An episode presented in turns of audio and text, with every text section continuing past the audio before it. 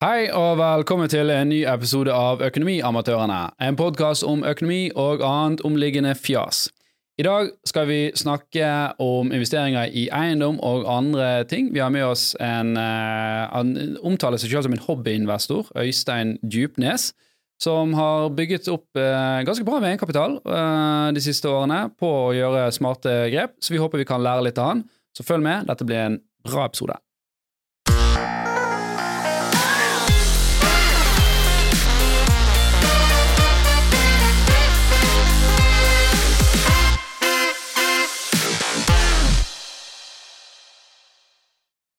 Yes, Vi har med oss uh, Jan Tore Kristoffersen i dag. Hallo. Torstein er et eller annet sted i verden, på pl pl planeten i hvert fall, men uh, vi antar vi. Han er jo over alle hauger. Mm. Uh, jeg tror han er tilbake neste uke, for de som savner han.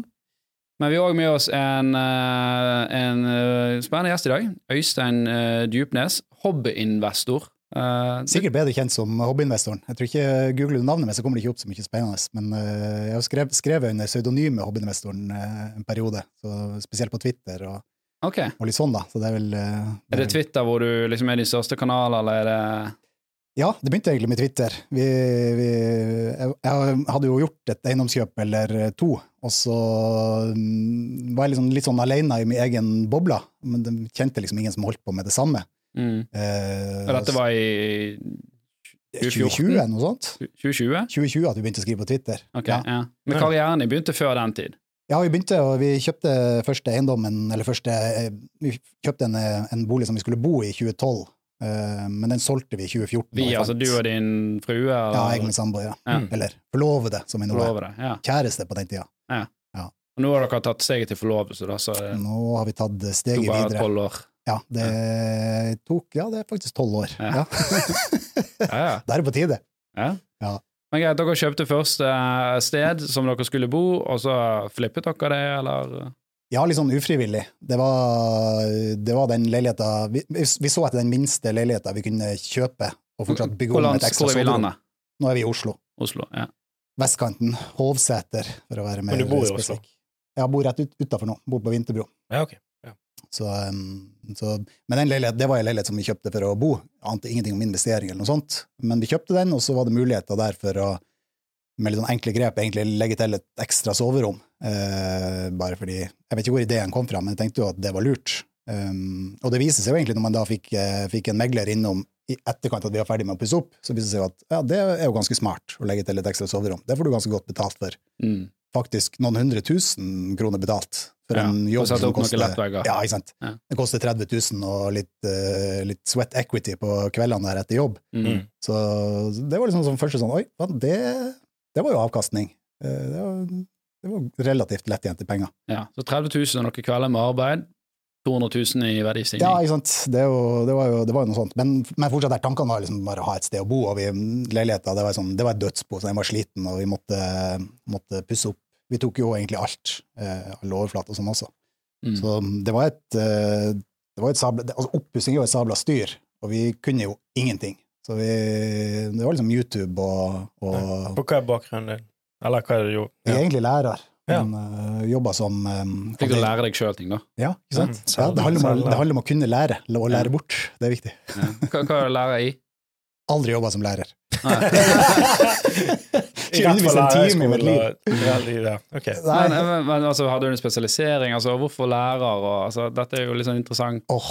Ja, det er som, når det er podcast, men jeg må kanskje svare ærlig. Ja. Altså, hvis jeg skal svare helt ærlig, så sånn, Jeg skulle ta et årsstudium på idrettshøgskolen. Ja. Det var så sinnssykt fett. Det er jo liksom øh, Er du glad i idrett? Ja. Ja, ja ikke sant? Var du glad i gym på skolen? Ja. ja. ja. Liksom, Se for deg liksom at hele, alt du driver med, er gym, på en måte. Mm. Sammen med, altså det er liksom i ei, utdanning som du får studiepoeng for. Altså det, liksom, det, skulle være bare et år, det ble en bachelor, så ble jeg liksom idrettslærer. Ja. Eller gymlærer, som vi sier i gamle dager. Ja, det er jo liksom den litt sånn ufine måten å presentere seg på. Hvor, hvor, hvor studerte du? Eh, NIH, eh, Norges idrettshøgskole i Oslo. Ja. Og så har jeg litt sånn spesped og litt sånn ved siden av, og så men uh, kom til praksis og, sånn, og begynte å undervise, og tenkte jeg det, det her er jo ikke så gøy. Det er begrenset hvor gøy det er å få unger til å spille sånn hjørnefotball. Og Ja, liksom, folk, er folk er ikke motivert, og liksom, nei, du har ikke lyst, og nei, du har mensen, og det, nei, det, det er motivasjonsbiten, det. Så det, hva begynte du å jobbe Jeg, jeg, med? jeg må ha en shout-out til vår, vår gymlærer på Sandgata. Han er Gunnar, og tysklærer vår òg, da. Ja. Han, han kom som regel bare inn med en sånn kanon, og så bare hever han opp en ball. Kanonball! Og så snakker han. Skal tilbake og slutten av timen. Ja, for han gikk ut og røykte. Ja, for sånn er alle gymlærere. Sånn var min gymlærer på videregående også. Han hadde faktisk han hadde med seg valp, liksom bikkjevalp, i gymtimene, og så øvde vi på å liksom dressere den der valpen i, i gymtimene. Liksom, En gymlærer kommer unna med hva som helst. Ja, ja, litt for mye ofte. Han var, jeg husker alltid var i dusjen. sammen med dere. Ja, han skulle alltid få oss til å dusje. deg. Du, du, du gikk på Sandgotna. Ja. Husker du Sørensen, da? Ah, det kan vi, vi må ikke oute folk. Nei, men det er jo bare gøy. Eh, Gymlærer Sørensen. Han, han, han, han var gymlærer til min far òg. Oh, ja. Han er faktisk gymlærer nå. ja, Han er 170 år gammel. Var, ja, jeg tror han nesten passerte 70 da, og han var jo liksom sprekere enn alle guttene der. Det var litt flaut. Ja. Ja, Jeg føler, gymlærere er litt sånn egen rase. Det, Ja. det, det, det er en spesiell type Men- mennesker.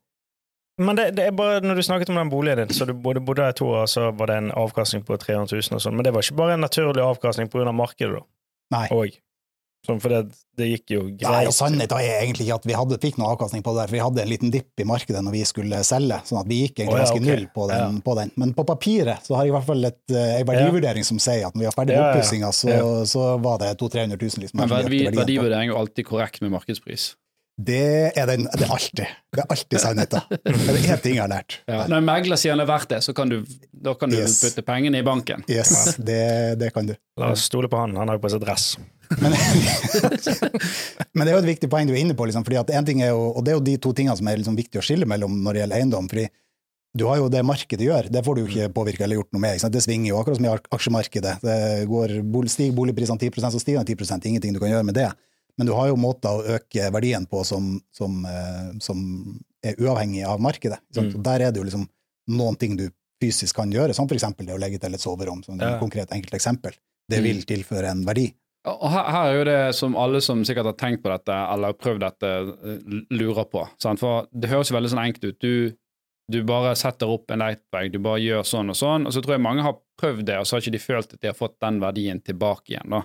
Jeg eh, hadde jo en leilighet her i byen eh, som jeg eh, pusset opp innvendig, nytt kjøkken på, betalte ganske mye penger for en sånn her eh, vi hadde et, Det var egentlig ikke et soverom, men vi satte opp sånn glassvegg da, med glassdør, så den fint ut. da, Så du fikk romfølelse, men du hadde et ekstra rom.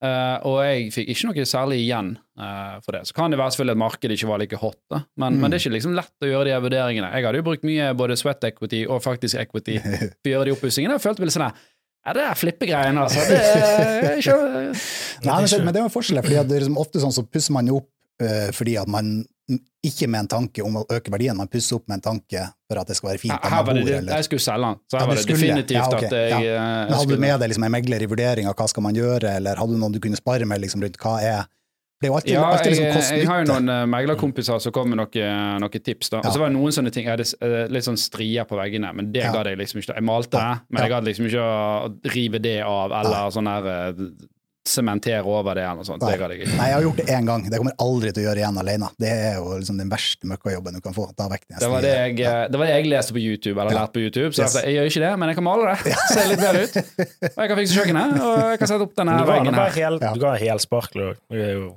Ja, men det, det er jo det som er et helvete, da. sånn Ja, men du, du, du Ja, du kan jo ikke helsparkle.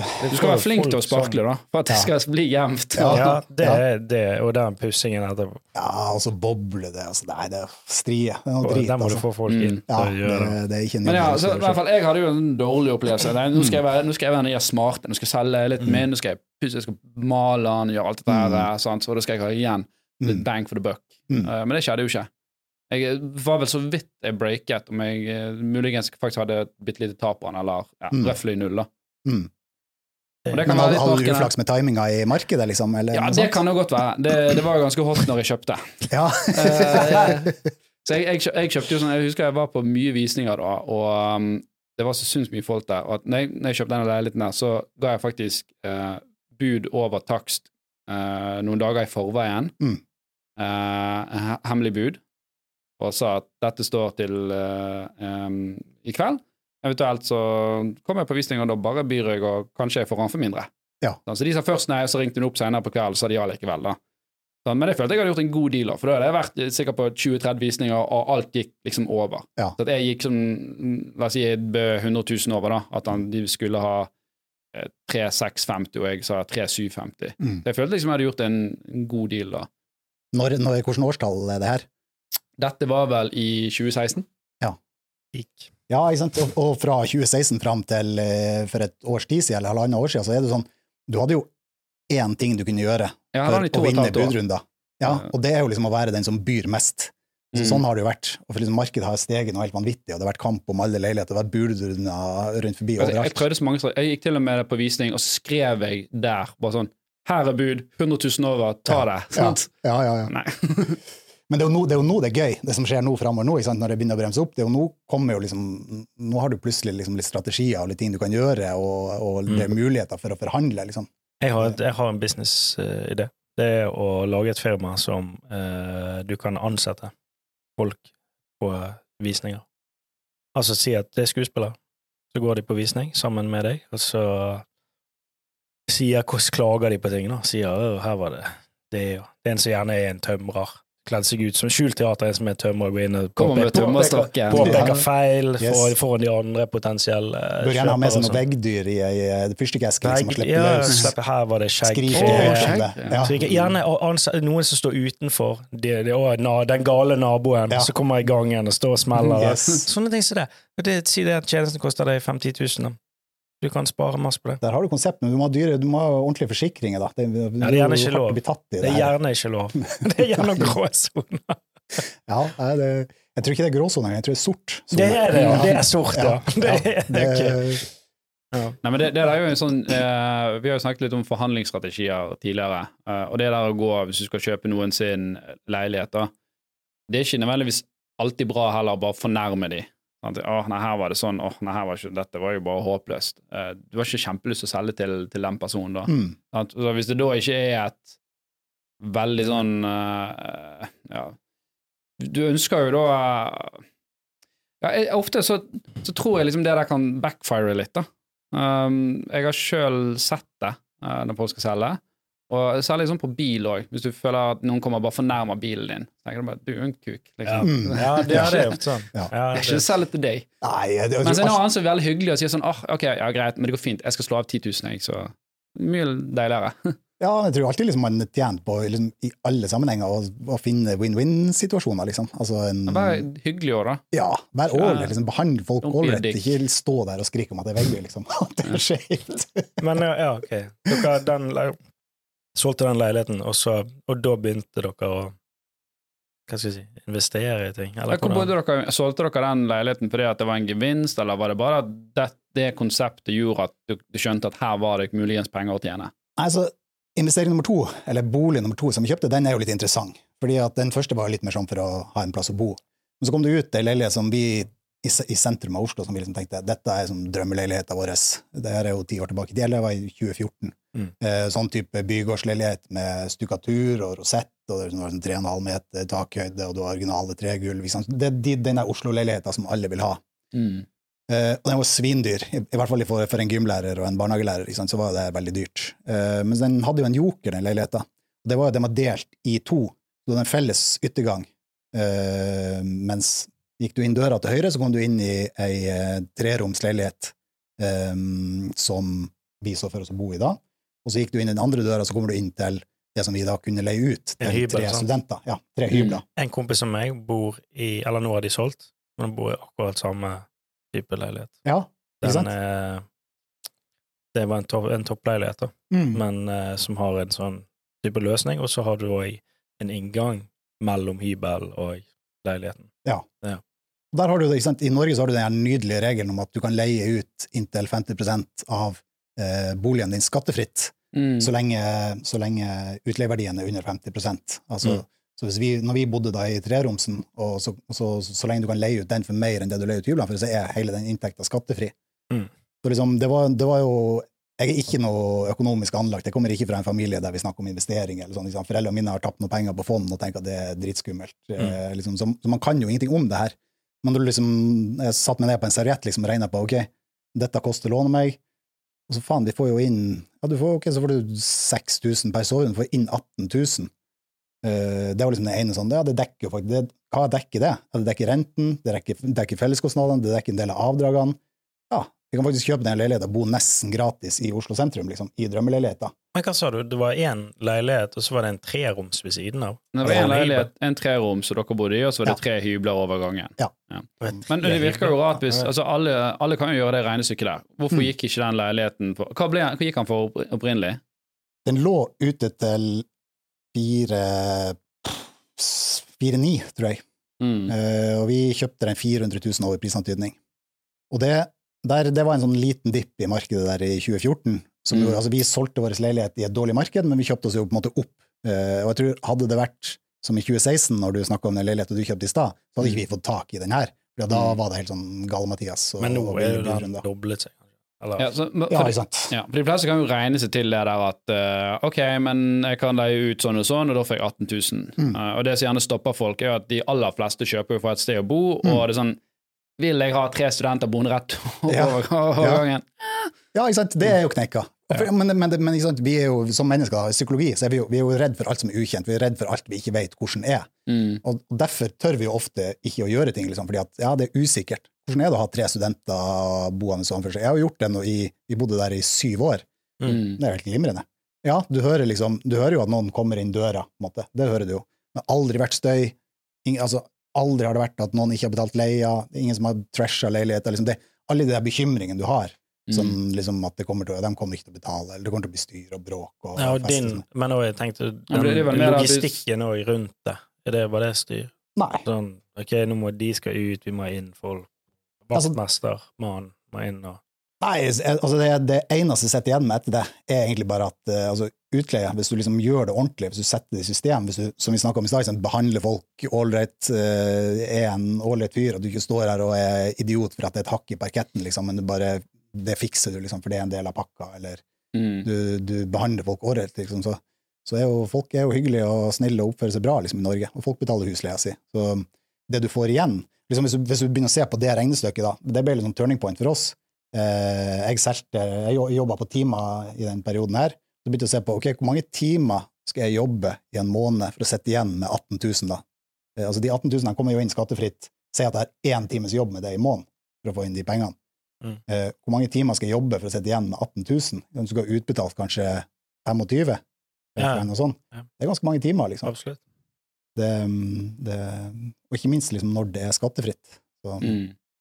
Ok, så, så dette balte på seg videre. Neste steg i etappen, hva var det da? Altså, var det, eller var det da at nå er vi i gang? Eller du bodde igjen syv år, og så fant du ut du skulle gjøre mer? Nei, det var liksom en sånn sakte prosess at det begynte å gå opp for meg liksom, at uh, det er jo andre måter å tjene penger på enn å selge tida si for timer, liksom. Uh, men vi hadde, vi, hadde, vi mangla liksom litt sånn nettverk. Men, men noen må jo etter hvert selge tiden sin for timer, og skal liksom samfunnet gå rundt. Alle kan ikke gå rundt og Nei, det er sant. Det er sant. Alle, vi kan ikke alle leve av utleie. leie, ut leiligheter på Nei. hverandre. Nei, så den, den dagen det liksom bikker over vi, du, du mener at vi må ha noen som leier også? Ja, ja, du må jo det. Du må jo ha et marked, sant? Ja, ja, Um, det må du. Men leiemarkedet nå er jo insane. Slå av. Ja. Du bor jo også, kanskje du, Vi som er i Bergen, vi, vi hører dere dere syter så jævlig mye der borte uh, på dette, og at det ikke er lov å ha leiligheter mindre enn sånn, og hei hvor det går. Fortell oss litt, hva er det som er galt der borte nå? Altså det er jo Summa summarum så det største problemet er at det reguleres for lite. Det er ikke nok boliger. Uh, Så det liksom, tillates for lite nybygg, da? Ja, for du har jo liksom den her normen som sier noe om hva du får lov til å bygge, og det er jo et veldig liten prosentandel av det du har lov å bygge i Oslo som er toroms leiligheter, eksempel, eller små leiligheter. Mm. Og det skrikes jo etter små leiligheter. Det er jo, det er jo, etterspørselen er jo enormt mye større enn en tilbudssida. Mm. Og dette er litt sånn, er det, hva er bakgrunn, er det litt sånn idealistisk eh, bakgrunn, for, eller at man ikke ønsker å ha en by med masse små, man ønsker å ha liksom store familieleiligheter? Ja, det er jo politisk styrt. Det er jo litt av det Men de har jo ikke råd til de leilighetene. Nei, ikke sant? For det at en treroms på Sagene koster jo eh, Fem. fem, jeg tror det var mer. Ja. ja. Mm. Fem, Fem fem er jo en et studio på Nei, men det er jo Hvis du hadde gått ut og spurt ti random personer i Oslo, hvor mange av de har vært fornøyd med dette, og hvor mange av dem syns det var kjipt? Ha, det er jo et skal jo være en demokratisk prosess. her, Sant? Så Ja. Hvis er det politisk styrt, ok, er det da bare noen politikere her som har en ideologi, eller er det faktisk det folket vil ha? Altså, problemet er jo at, det, at boligprisene er som de er, at det er så dyrt som det er. Og det å få tak i et toroms leilighet, det er jo veldig veldig vanskelig. Hvis du ser på den her berømte sykepleierindeksen, hvor Mm. mange sykepleiere kan nå kjøpe seg bolig i Oslo sentrum? Det er 1 1,3. Ja, 1,3, ikke sant? Det hadde du talt på. Vi hadde dette på, på siden.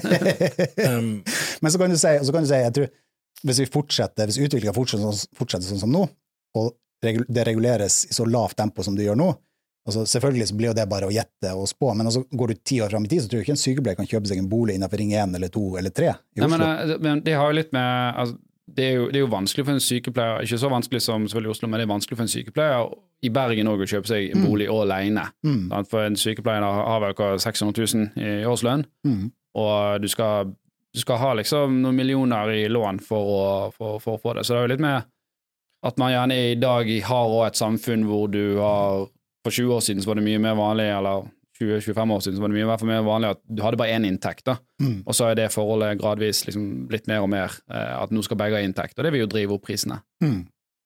Definitivt. Mm. Og så er det jo liksom, til syvende og sist så er det jo tilbudt etterspørsel liksom, som er den største driveren. Og liksom, etterspørselssida i Oslo kommer jo bare til å vokse. I hvert fall sånn som det, det politiske styrt nå. Liksom. Det er jo stor tilflytning. Eh, Ja, men Derfor jeg spør liksom, hva er det, det, det politisk eh, styrt, sier du? sant? Uh, er det bare det at nei, vi politikere vi bor i Oslo, vi syns det er litt sånn kjipt hvis det blir masse sånn her, vi mener at det bør være sånn, eller er det det som folk eh, faktisk vil?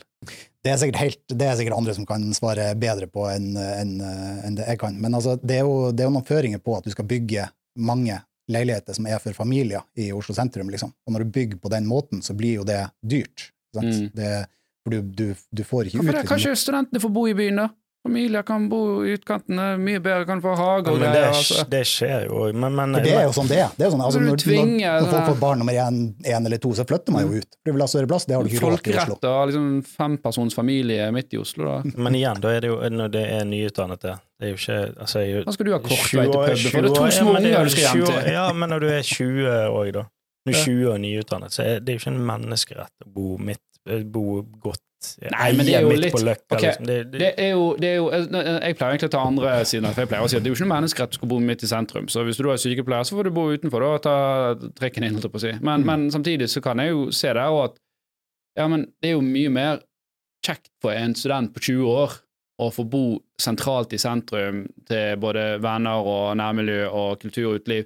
Når du er blitt eh, 35-40-45, da har du gjerne, gjerne bil, du har familie, du skal liksom ikke ut hver fredagskveld, du har andre ting, du skal kjøre på fotballtrening. Det er bare et kav å bo i sentrum. Mm. Så, hvorfor er det så gale? Kanskje ungdommene får sentrum, da? Ja, kan de ikke det?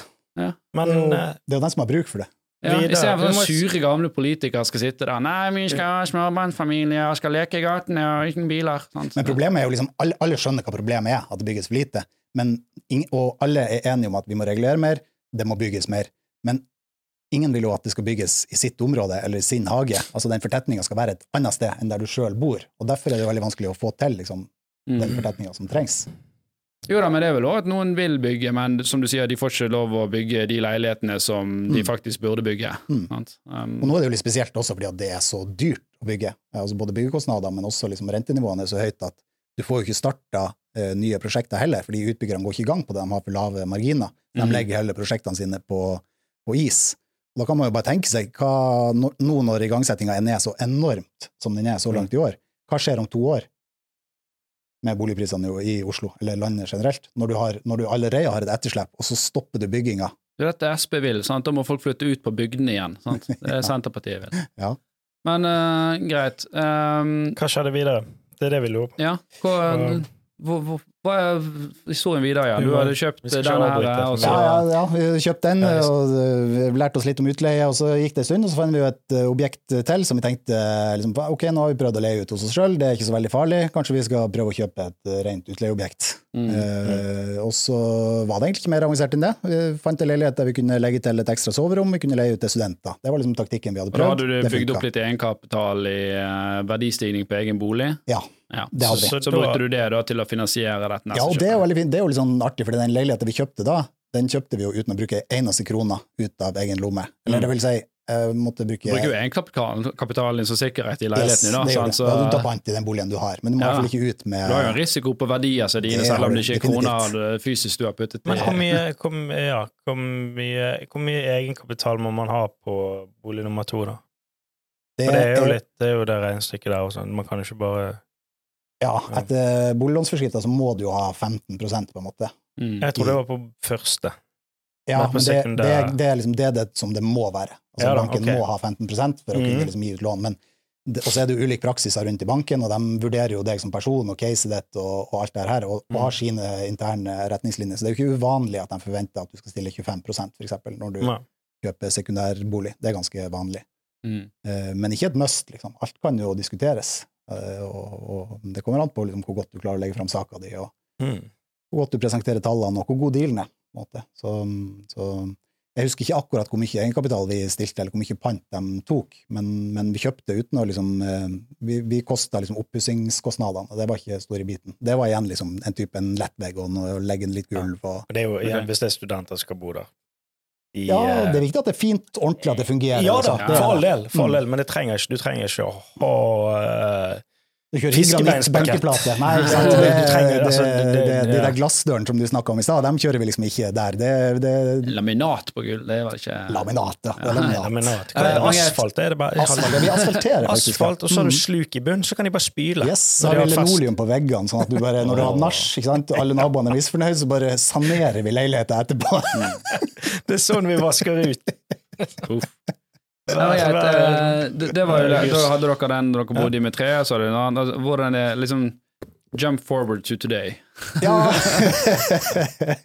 ja fordi det, og det, inni det momentet der så begynte vi liksom å kjenne på at ok, vi har kjøpt, vi har noen leieinntekter, og vi, vi skjønner at det her er noe som funker, men hva gjør vi nå? Og liksom, er det noen vi kan snakke med dette om? Og så i et sånn ønske om å ha noen å prate med, så begynte jeg å skrive om det vi gjorde på Twitter. Mm. Eh, og så tok det egentlig sånn fyr. Det var mange som var interessert i å høre om hvordan det var å drive med utleie. Jeg tror liksom både bolig, eh, spesielt for nordmenn, er veldig sånn populært. Det er veldig mange som er interessert i bolig. Og veldig mange har liksom tenkt tanken hm, hvor enn hvis jeg kjøper en bolig for utleie, eller liksom, men, men syns det er skummelt liksom, fordi at man ikke vet helt hvordan det går. Altså, alle, alle som har vært på visning på litt sånn her uh, dårlig standard leiligheter eller sånn uh, semibygårder og sånt, da, da kommer jo det histen og pissen. Du ser jo mye at oi, her er det to kamerater ute som egentlig ikke kan noe, men nå likevel vurderer sant, å Ja. gjøre dette her. eh. Yes. Um, så det blir, det blir jo litt sånn en, Det er en sånn ting som alle føler de kan gjøre, eller til en Mm. viss grad. Ja.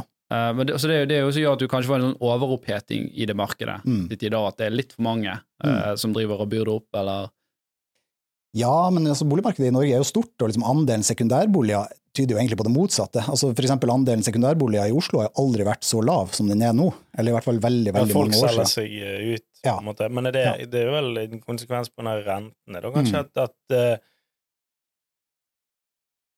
Ja, ok, nå sier du sitter på en sekundærbolig, da, men de inn- leieinntektene, hvis de ikke strekker til på lånet til den, så er jo det Det er nok mange som sitter og kjenner på nå om dagen. Det er skjønner jo du mange som sier det, det var- det var det, jo- Ja, altså på, Det var en megler ute som sa at eh, det kommer tusenvis av boliger utenfor Oslo fordi at eh, det Ja. er store Og du ser ja, Heimstad, han Ivar Tollefsen, sant? Yes. han har jo sånn 160 000 boliger i Norden, og nå aksjekursene er sånn 70-80 Ja. og vi må ha en eller annen form for kriseobligasjonsnorm. Mest sannsynlig selge større deler av porteføljen for å få til finansiering. Sant? ja, han blir jo vanna ut nå. Han er jo heldigvis too big to fail, på en måte, så det finnes ei løsning for han, liksom, men han, eh, han kommer jo til å kjenne det. Liksom, på, han blir jo Ja. vanna ut nå. Ja, men når, når, når rentene går så mange prosent opp, så er jo, da går vel hele denne køtten, da, forsvinner. Ja, det er, Eller- det er jo veldig mye dårligere marginer på altså, si du begynte å kjøpe deg opp i 2016, da, ikke sant? og har kjøpt fram til nå. Mm. Så, men det er klart, du, du blir Du, du har jo fått en verdistigning, sant? Mm. men det, det går ikke rundt lenger å gjøre det. Sant? For Nei, du satt og regnet det er 2,5 i rente på lånet, sant? og nå er han 5,5. Sett nok ganske mange som angrer på at man ikke bandt på 2 Ja. Jeg er en av de. Jo, jo. Men, Men, hvor, hvor stor er porteføljen i dag, da? Den er ikke så stor. Vi har, eh, vi har tre leiligheter som vi leier ut, og så Ja. har, vi, mm, har vi en hybel hjemme i huset som vi leier ut, og så har vi jo etter hvert liksom når jeg begynte å skrive på Twitter, så ble jeg jo kjent med en del folk, Mm. og fikk et par gode relasjoner, liksom likesinnede, som driver på med det samme som oss. Eh, og dem har, liksom, har, har jo vi starta noen firmaer sammen med, så vi, vi driver jo ett firma der vi, der vi kjøper boliger og, og utvikler tomten, altså der vi fradeler tomter. Eh, jeg skiller ut for å Mm. Eh, så Det er liksom det ene firmaet vi driver med, og så har vi et annet firma der vi retter oss mot studentutleie og, og kollektiv. Eh, Mm. Så det er liksom de to som vi, som vi driver med per i dag. Har du begynt å diversifisere verdiene litt, da?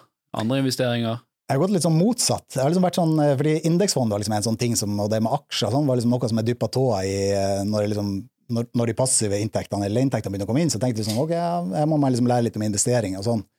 Eh, Men jeg ser jo liksom at den Jævla kjedelig å sitte med et indeksfond. liksom. Ja, ja, de avkastningene avkastninger du kan skaffe liksom, på eiendom og med, med, liksom, med aktiv eiendomsinvestering liksom, målt opp mot et indeksfond, det, det, er liksom, det er to forskjellige ting. Mm. Eh, så, så jeg går heller litt sånn andre veien. Hva er en aktiv inn... Hva betyr det? Nei, altså, en passiv investering er jo at Nei, hva er en aktiv eiendomsinvestering? versus- ja, det er vel det at han faktisk Nå skal jeg ikke svare på det, men jeg antar at, det at man går inn og gjør et stykke arbeid her med hensikt om å selge eller leie ut. da. Altså at man ikke liksom passivt kjøper en, ak en aktiva som bare skal sitte der, sånn som heter indeksfond. Ja, Ja. ja.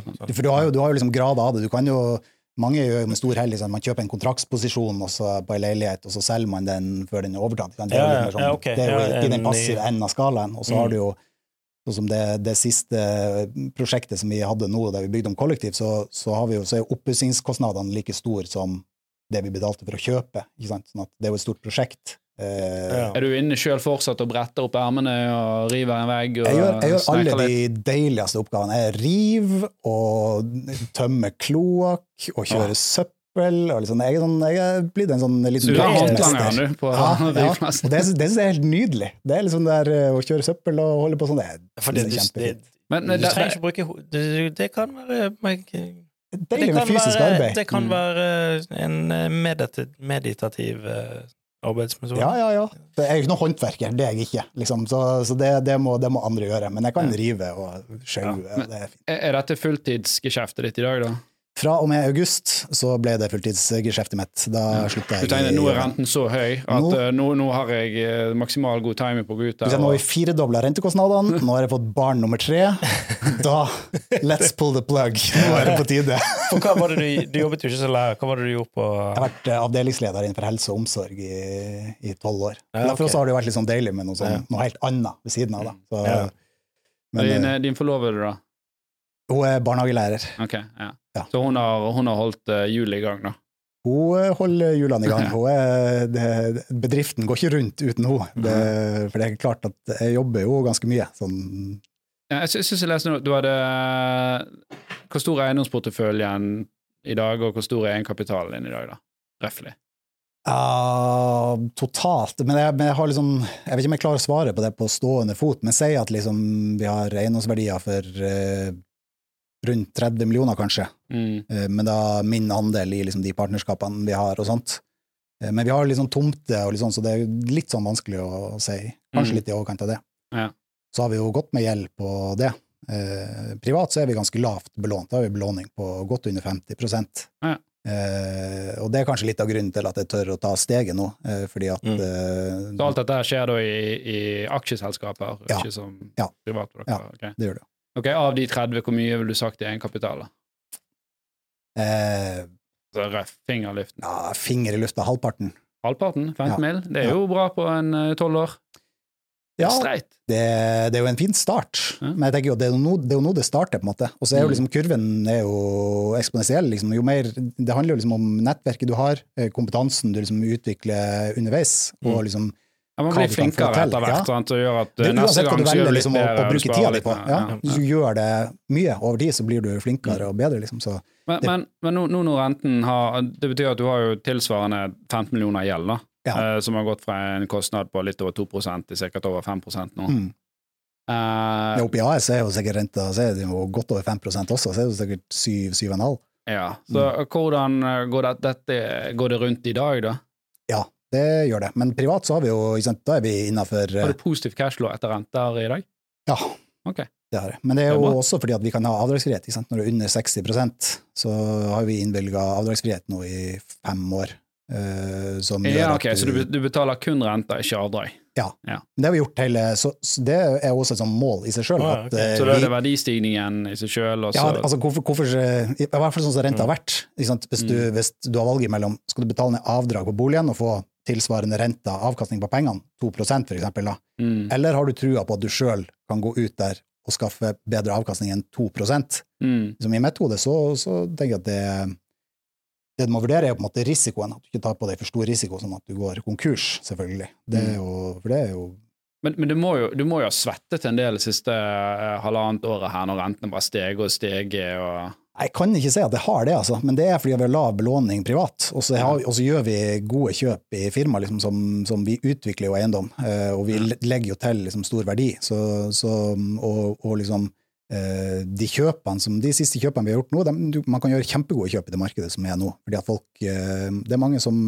ønsker å selge. Mange som er motivert til å selge på en helt annen måte enn det de var i 2016, for eksempel. Er det mange nå som selger liksom Ja, vi kjøpte dette fordi vi hadde tenkt å gjøre noe, men vi ser at det skjer ikke? Ja, det er mange som har kjøpt marginale caser, ikke sant? Mm. Som, er kanskje går, som gikk i null på 2 rente. Mm. Uh, og det er jo ikke så artig å sette og leie ut når eh, renta er høyere, ikke sant? Og, og da må du kanskje selge, og du må justere prisen også. Men ikke sant? det handler jo ikke bare om, det handler om å se mulighetene i det du kjøper. Fordi Mm. vi, du, du kan ikke gå ut der og kjøpe en hvilken som helst treroms leilighet og tenke at den skal fungere som et utleieobjekt. Du må ha en strategi, eh, og du må se, du må kunne gjøre grep med boligen som gjør at du øker utleieverdien eh, Mm. i den. Eh, Og, og av alle de boliger dere ser på, hvor mange er du ender opp med å faktisk kjøpe? da? 1 kanskje. Oi! Det, men det, er jo, det her er jo liksom Altså Da regner du fra at du bare setter dem på Finn, eller faktisk du har brukt eh, i hvert fall noen minutter av din oppmerksomhet på å vurdere den her, eller noen timer, eller jeg, jeg kikker jo sikkert på jeg, jeg kikker sikkert litt mer ordentlig på Så jeg ser på fem boliger i uka, kanskje, og Mm. vurderer, liksom. Men så er det jo liksom, den første screeninga er jo liksom hva er brutto leieinntekta her, og hva er prisen på, på oppussing. Altså, de aller fleste blir jo liksom kasta bort etter 30 sekunder fordi at nei, ok, dette funker ikke. Og så Mm. leter du jo etter den ene som ser oi, her er det en mulighet. Her kan man eh, her kan man utvikle, her kan man bytte planløsning, her kan man fradele ei tomt, her kan man liksom skape en verdi, da. Det synes jeg er veldig interessant, for det viser en litt form for disiplin. For de fleste som skal ut der, de har ofte et litt sånn hastverk med å komme seg ut. Mm. Og, og for de som eh, Du har jo spilt litt poker, altså. Hvis du sitter der og du får dårlige kort, men likevel 'Jeg må gjøre noe', Mm. da går det som regel dårlig. Du må Mm. liksom, av og til må du bare være litt tålmodig og vente på at kortene kommer til deg. Mm. Men, men de populære objektene, blir ikke de da det, det fins jo Ja, men det er ikke de populære Mange- objektene du ser etter, egentlig. Du ser etter noe der du Nei, ser ikke- en verdi men- som ikke de andre Ja, eh, men det ser. er jo veldig mange som er som, som gjør det du gjør, da. Ja. Du kommer eneste på Øystein, eh, Som kommer på den visningen, da. Altså, jeg mener det at når det er nok av dere, så blir det Da kommer vi jo treffe hverandre òg, tenker jeg. Bare, hello, der er du yes. Så tenker du sånn faen over Øystein her? Ja, det gjør vi jo, fordi liksom, det, her, det, greien med, det, det starta jo med Twitter og ei skriving der, og så har vi gått over til å liksom Vi har jo prøvd å skape det som jeg sjøl følte at jeg mangla når jeg skulle komme i gang med, med det her. For liksom, det er ikke tvil om at nettverk og kompetanse er viktig. Det er kjempeviktig hvis du, hvis du ikke skal drite deg ut. hva, um, er det liksom kompetanse innenfor håndverk du ser etter, da, eller er det bare sånn du, du, du kommer inn i dette, dette samarbeidet med med én type kompetanse. Mm. Er det fem Øysteiner i dette samarbeidet, eller har dere forskjellige Nei, ta det ene, ta det ene, ta det ene firmaet der vi fradeler tomter, så er det jo jeg og en annen er jo utførende. Altså, vi er ute, vi vurderer objekter, og vi, og vi, vi finner casene, og vi gjennomfører prosjektene og oppussinga av den biten der. mm. Og så nummer tre er jo, han jobber jo som eh, Kasper heter han, han eh, jobber jo som eh, byggesaksbehandler i kommunen. Det er jo dagjobben hans. Så han sitter jo på andre sida av bordet i, uh, for avdelingscaser, ikke sant. Så han gjør jo all screeninga for oss. Vi kan sitte og tekste på en onsdag kveld sånn, hei, så du denne boligen komme ut, liksom. Og så tar han en screening av den, ikke sant? og da er vi klar til vi er Han klar jobber sånn på byggesaksavdelingen. i en kommune. Ja. Så han har jo spisskompetanse på liksom, hva er det vi må unngå, hva er de røde flaggene. ikke sant? Han, han tar jo ned risikoen vår med 700% eller noe sånt. Mm. Sørger for at vi ikke kjøper feil. Eh, Ja, men da har jo du en på innsiden. Da har vi en på innsida. Ja, det, det, var det, det, det, det hørtes sånn her Det hørtes nesten litt sånn Altså, eh, antar hvis dere skal gjennom en, en Dere kommer jo av og til å ha inn byggesaker, antar jeg, hvis dere skal gjøre seg endringer. Yes. Hva- Hvordan fungerer dette? Jeg bekymrer ikke hans kommune, for å si det sånn. Han jobber på Vestlandet, så vi må holde oss borte derfra. Liksom. Men det er jo ingenting okay. som tilsier at han ikke har lov til å gjøre det her. Uh, Ja, men det hadde vært litt rart hvis det, han fikk inn den søknaden.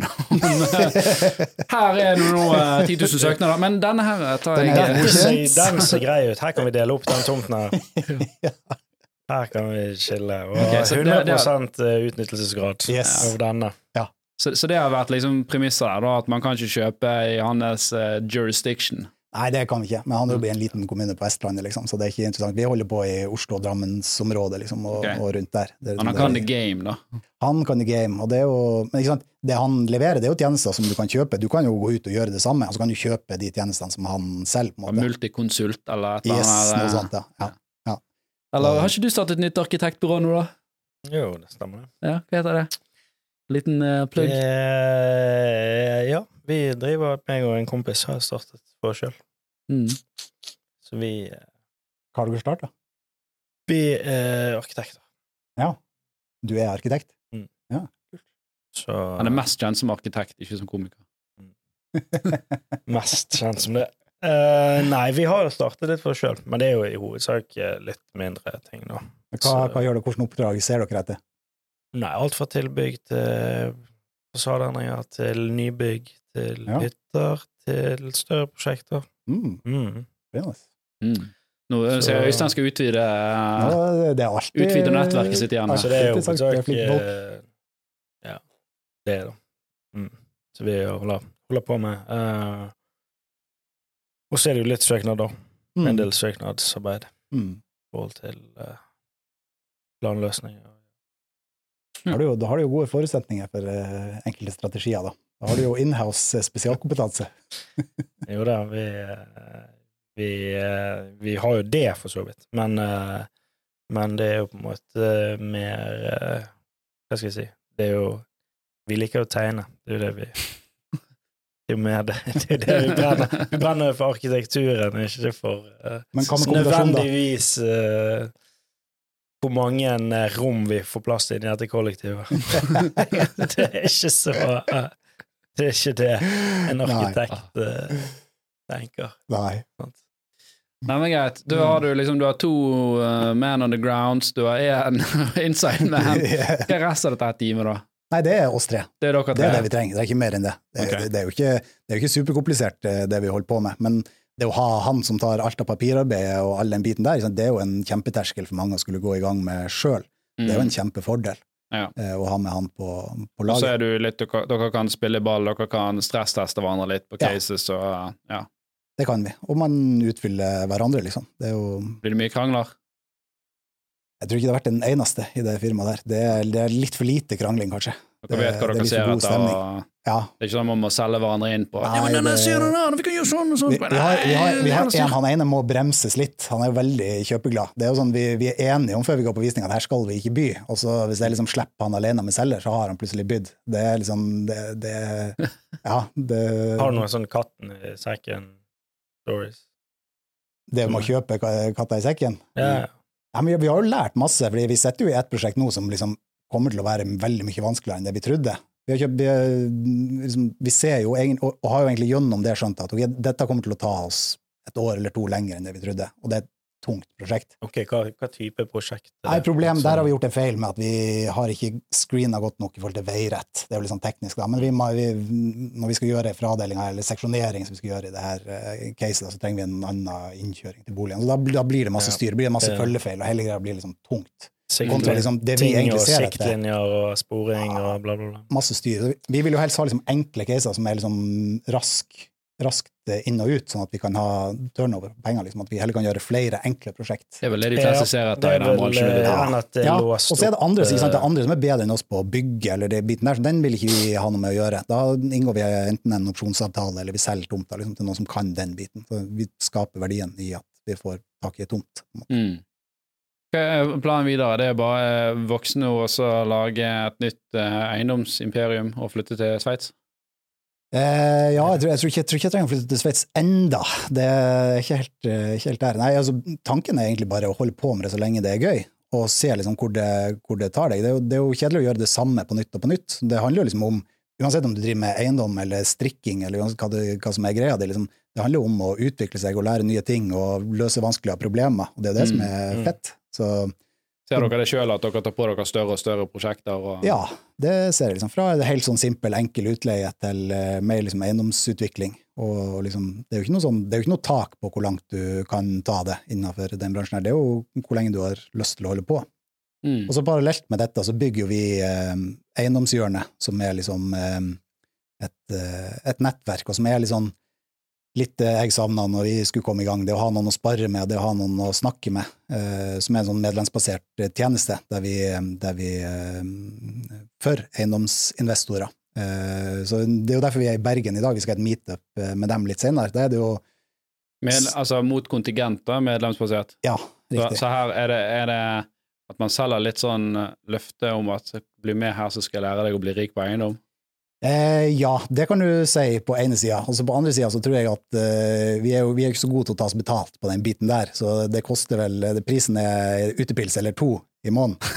og så gir vi vel Vi deler jo åpent alle dealene vi gjør, liksom hvordan, alle tallene, hvordan vi kjøpte, hva vi gjorde. Så bakdelen er jo at sånn, Det, sånn det, er- det er helt streit, for det dere gjør i hvert fall det, men vi har jo sett at det er mange som starter forskjellige sånne her, eh, Ja, ja, ja. Sant, der de They don't practice what they teach. Ja. Det er businessen deres er å få deg til å ha en subscription her. Yes, yes. Det, det, det er jo god butikk, sånn sett. Det Der kan jo sikkert skaleres opp. Men, men det handler jo liksom om å gi verdi, og det er jo Mm. liksom Ikke redd for at du lager masse konkurrenter da, som kommer og byr deg ut. det. nå- vi er jo blitt møtt litt i døra nå, for plutselig da, så ser vi at liksom de, det som vi holder på med, det får vi jo veldig stor konkurranse på, og noen av markedene er jo ganske små, så det er ikke tvil om at vi, vi lager konkurranse for oss sjøl. Men så er det veldig gøy også. I dag skal vi møte 70 personer liksom, som kommer inn hit og skal nerde og snakke om de samme tingene. Liksom. Så, og da blir du kjent med folk. De, Hva snakker man om på en sånn meetup, da? For de Nei. som er gjerne interessert i å vite mer. Nei, da snakker man, det går jo i eiendom, men eh, og i liksom alt som har med det å gjøre. Det, det er jo eh, liksom det å kunne møte noen og snakke med noen, og bli kjent med noen, få en relasjon til noen som ligger to, tre, fire steg foran deg i løypa, liksom, det er jo uvurderlig. Mm. Eh, de kommer jo med De kan jo ting som du ikke kan, de har kontakter som du ikke har. Du kan liksom Plutselig så samarbeider du med noen. Med, med De har ikke gjort feil, så du kommer til å gjøre hvis Ja. ikke. Ja, ikke sant. Kan du liksom kanskje komme deg Um, unna. Ok, Når dere sitter her eller du vurderer fremtiden, så jeg, jeg skjønner jo det at når du går inn og ser på et case, så vurderer du en case der, men hvor mye av tiden bruker dere til å fundere liksom de, de store linjene, det makroøkonomiske, liksom hvordan man utvikler seg? Tenker dere noe på det at ok, nå går rentene sånn, eller er det liksom bare nei, tut og kjør eh, hver, hver case? Det er, jo, eh, det er jo egentlig, hvis jeg skal svare ærlig, så er det jo litt tut og kjør. Fordi at liksom rentenivået alt det der, det henger jo, henger jo sammen med Sånn som nå, ok, renta har steget, det har også leieprisene. Så det veier jo opp litt. Mm. Men også liksom de dealene du kan gjøre nå, de kjøpene du kan få til nå, måten du kan forhandle på, strategiene du kan bruke nå, er jo helt annerledes enn for et år siden. Mm. Liksom, nå, det jo, nå kan du jo forhandle. Ikke Men da legger dere inn sånn for gitt at nei, vi tror renten kommer til å synke om to år igjen? For det, det er jo mange som, altså, Jeg ser det at det er mange som når de driver, om det er gründer eller sånt, så de tenker sånn der at ja, men det der kommer til å skje. Så det er mer sånn ønsketenkning enn eh, faktisk realiteten. Og det kan være litt bra med den ønsketenkningen. Ja. Være litt naiv Ja. når du skal være gründer. ja, Ellers så tør du ikke gjøre noe som ja, helst. nei, det er sant. Eh, men jeg tror det er viktig, og det er det vi liksom vil pirke litt i, da. Sånn, Ja, ja. Man gjør den uh... Men du må jo vurdere risiko, ikke sant? så du må alltid liksom se på ok, for du vet jo ikke hva som skjer. Så du mm, må jo ta høyde for at hvis jeg skal gjøre denne investeringa her, så må den stå seg med 2% høyere rente. Mm. Og hvis, hvis du tar den forutsetninga da, så er jo sjansen, så tar du jo ned risikoen ganske betraktelig. mm, At du liksom ser på ok, hva er leieinntektene som jeg sitter igjen med. Du har kontroll på tallene dine. Dette er leieinntektene mine, dette er det jeg kjøper for, dette er det det koster å pusse opp. Tåler dette regnestykket 2% høyere rente? Hvis jeg gjør det, så er det jo det sannsynligvis en, en god deal. Ja, så tank, tanken deres sånn generelt det høres ut som at vi kjøper alltid ting som vi ser klarer å finansiere seg sjøl, at vi er ikke avhengig av verdiøkning. Og så en verdiøkning i boligen over tid, det er liksom en slags bonus som man Ja. ikke vet, for den svinger sånn. Ja. Den kan være ned 20 til neste år, men mest sannsynlig på ti år så er Ja. den ganske bra opp. Og gullstandarden, det er jo liksom Burr-strategien, og det er jo det man hele tida jager etter, som er liksom eh, Enkelt forklart så er konseptet at du ønsker jo å tilføre så mye verdi eh, og øke leieinntektene så mye at når du er ferdig med prosjektet, så kan du refinansiere ut all egenkapitalen din, og så kan mm. boligen bære hele lånet. Fordi at det, Mm. du, det du klarer å skape, da er jo en evighetsmaskin. Da kan du ta de samme pengene, så kan Ja. du gå og kjøpe en bolig til. Det er jo det, men da er det det der. Ja, det satt og tenkte litt på det i sted. Uh, og da har du på en måte en, en rekke bortover, da, som kan bare gå av seg sjøl. Ja. Og det er bare sånn Jeg håper at det ikke det smeller her, da. Mer. Og da har du jo et forbanna korthus uh, som seiler. Har ikke Ja. man det? Jo. Hvis du belåner for hardt. For liksom, Ja, jo, eller at dette her er bare står oppå hverandre. Altså, nå er det Hvis det ikke det Ja, hvis det trykker for hardt da, renten. Ja, hvis han har verdiøkning i hver uh, ting som gjør at han liksom får fjernet risikoen sin, så, så er det ikke det nødvendigvis det, da. Det er jo ikke sånn at det ene huset er så forsikret for andre, og det er en lang rekke. Eh, det er jo det at i hver av disse her så ouncer han ut litt mer verdi, da. Og det gjør at du kan kjøpe Ja. neste. Men så eh, i begynnelsen så må du kanskje ha to sånne objekter for å kunne kjøpe nummer tre, sant? For, Mm. for den verdiskapningen. mm, Men du, eh, du har jo litt peiling på både oppussing og litt sånn. Det, det er mange der som, som, som sliter der ute nå. Uh, man ser at det øk, eh, bratt økning på inkassoer mot hus. Eh, det, vi kommer til å se at folk kommer til å miste huset nå i høst. og Det er ganske Mm. sånn unormalt. Eller Mm. det er lenge siden vi har sett det i Norge. For de som sitter der ute eh, nå da, og gjerne ser at vet hva, jeg må selge, jeg burde selge. Har du noen sånne tips? Altså, hvordan kan de forbedre situasjonen sin? Kan de gjøre noe oppussing? Hva burde de tenke hvis de skal selge? For det er jo litt av gamet her òg. Du skal jo ut av mange av disse leilighetene etter hvert. Mm. Flippe de, som du sier. sant? mm. Ja, hvis du sitter nå og vet at du må selge på et tidspunkt, så ville jeg eh, vært kjapp med å hive meg rundt og sette det i gang, og ikke liksom stikke hodet i sanda og håpe at det går over, i hvert fall, og være Så heller får det ut nå, da, mens markedet er, fortsatt er litt, og eh, du, du har noen kort på hånden, Ja, istedenfor at du kommer liksom helt til enden og sier Ja. nei, nå må du selge. ja, ikke sant. Det, dere jobber jo litt med refinansiering og sånn også. Det handler jo liksom om å ikke liksom Du må face realitetene, du må gjøre noe. Og hva er det du kan gjøre? Jeg ville Mm.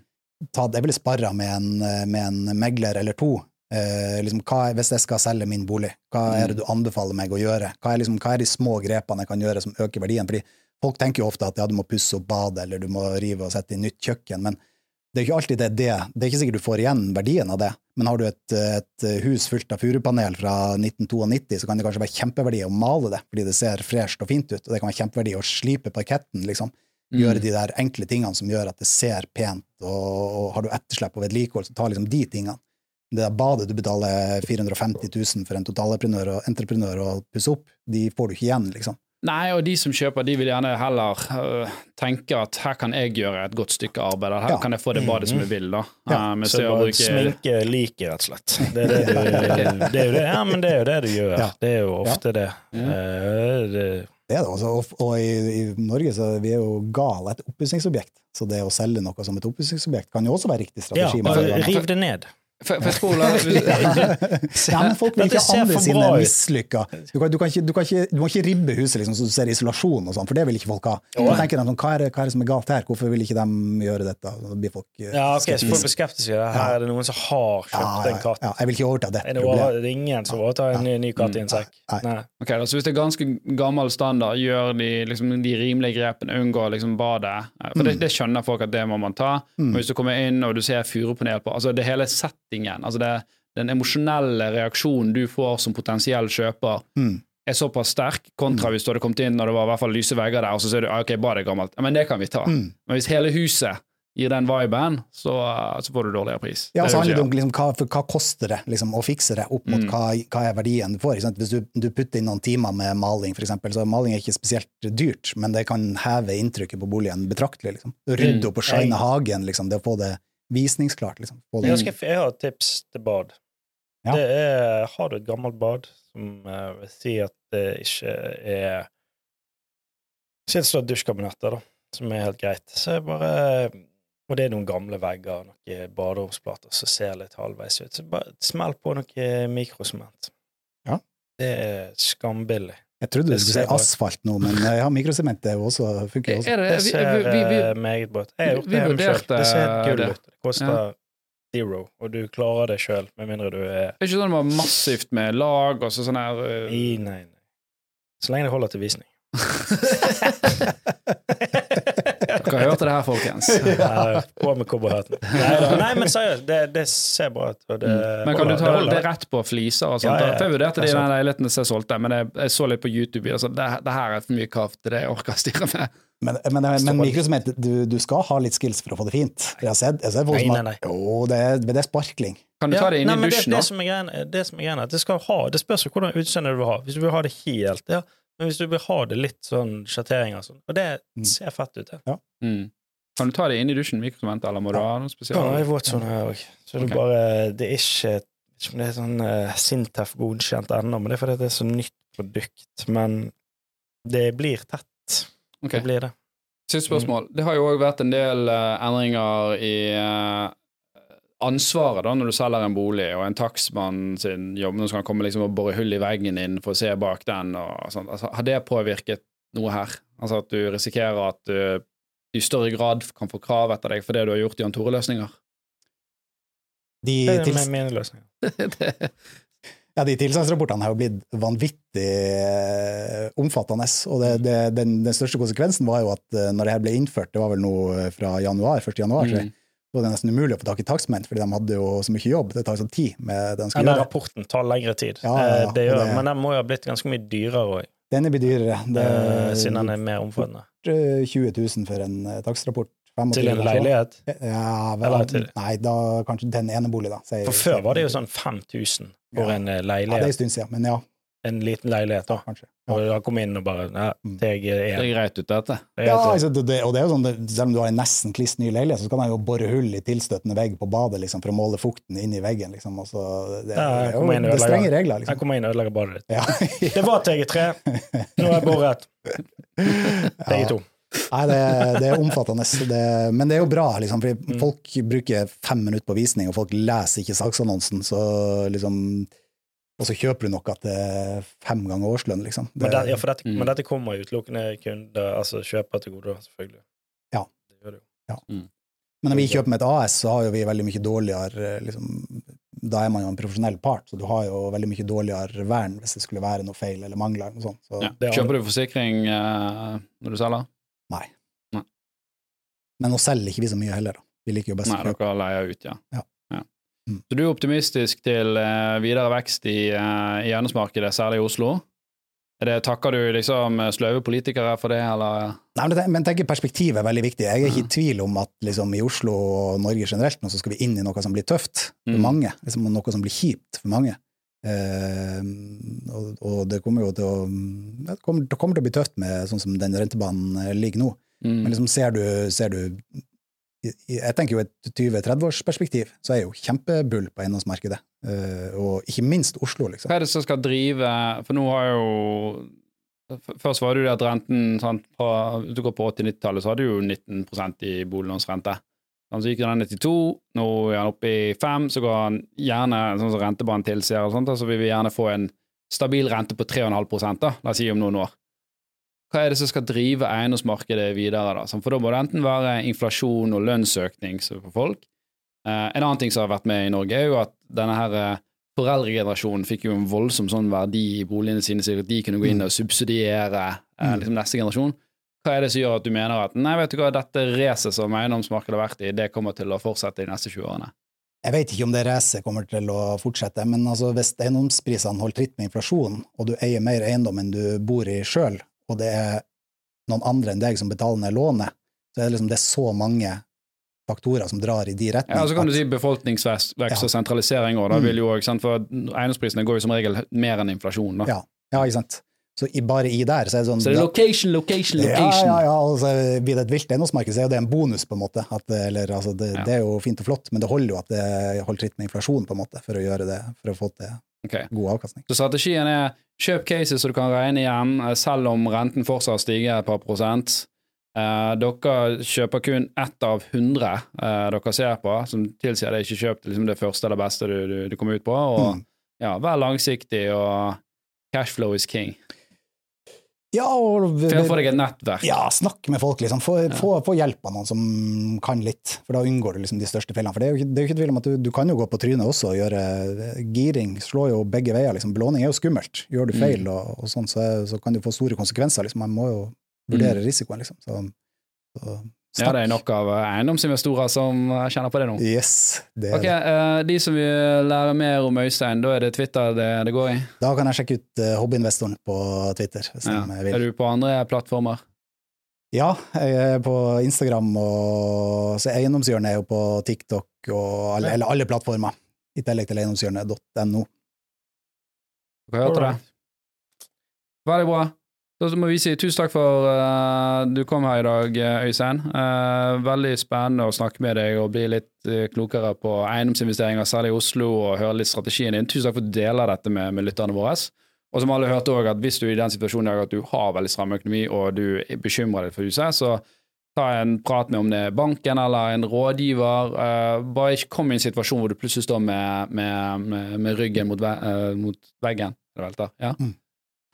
Og ja, ellers last ned HD-appen, hold kontroll på økonomien din.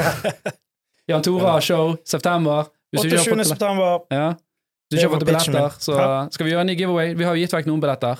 Vi har gitt vekk Ja. noen, men vi tar det. Vi tar neste episode. Ja, da, Ja, neste, da neste, episode så skal vi. Pitche det inn på begynnelsen. Ja, neste episode, da blir det billetter. Ja. Det er ingenting å tape med Jan Tore. Takk for at jeg fikk komme. Hyggelig.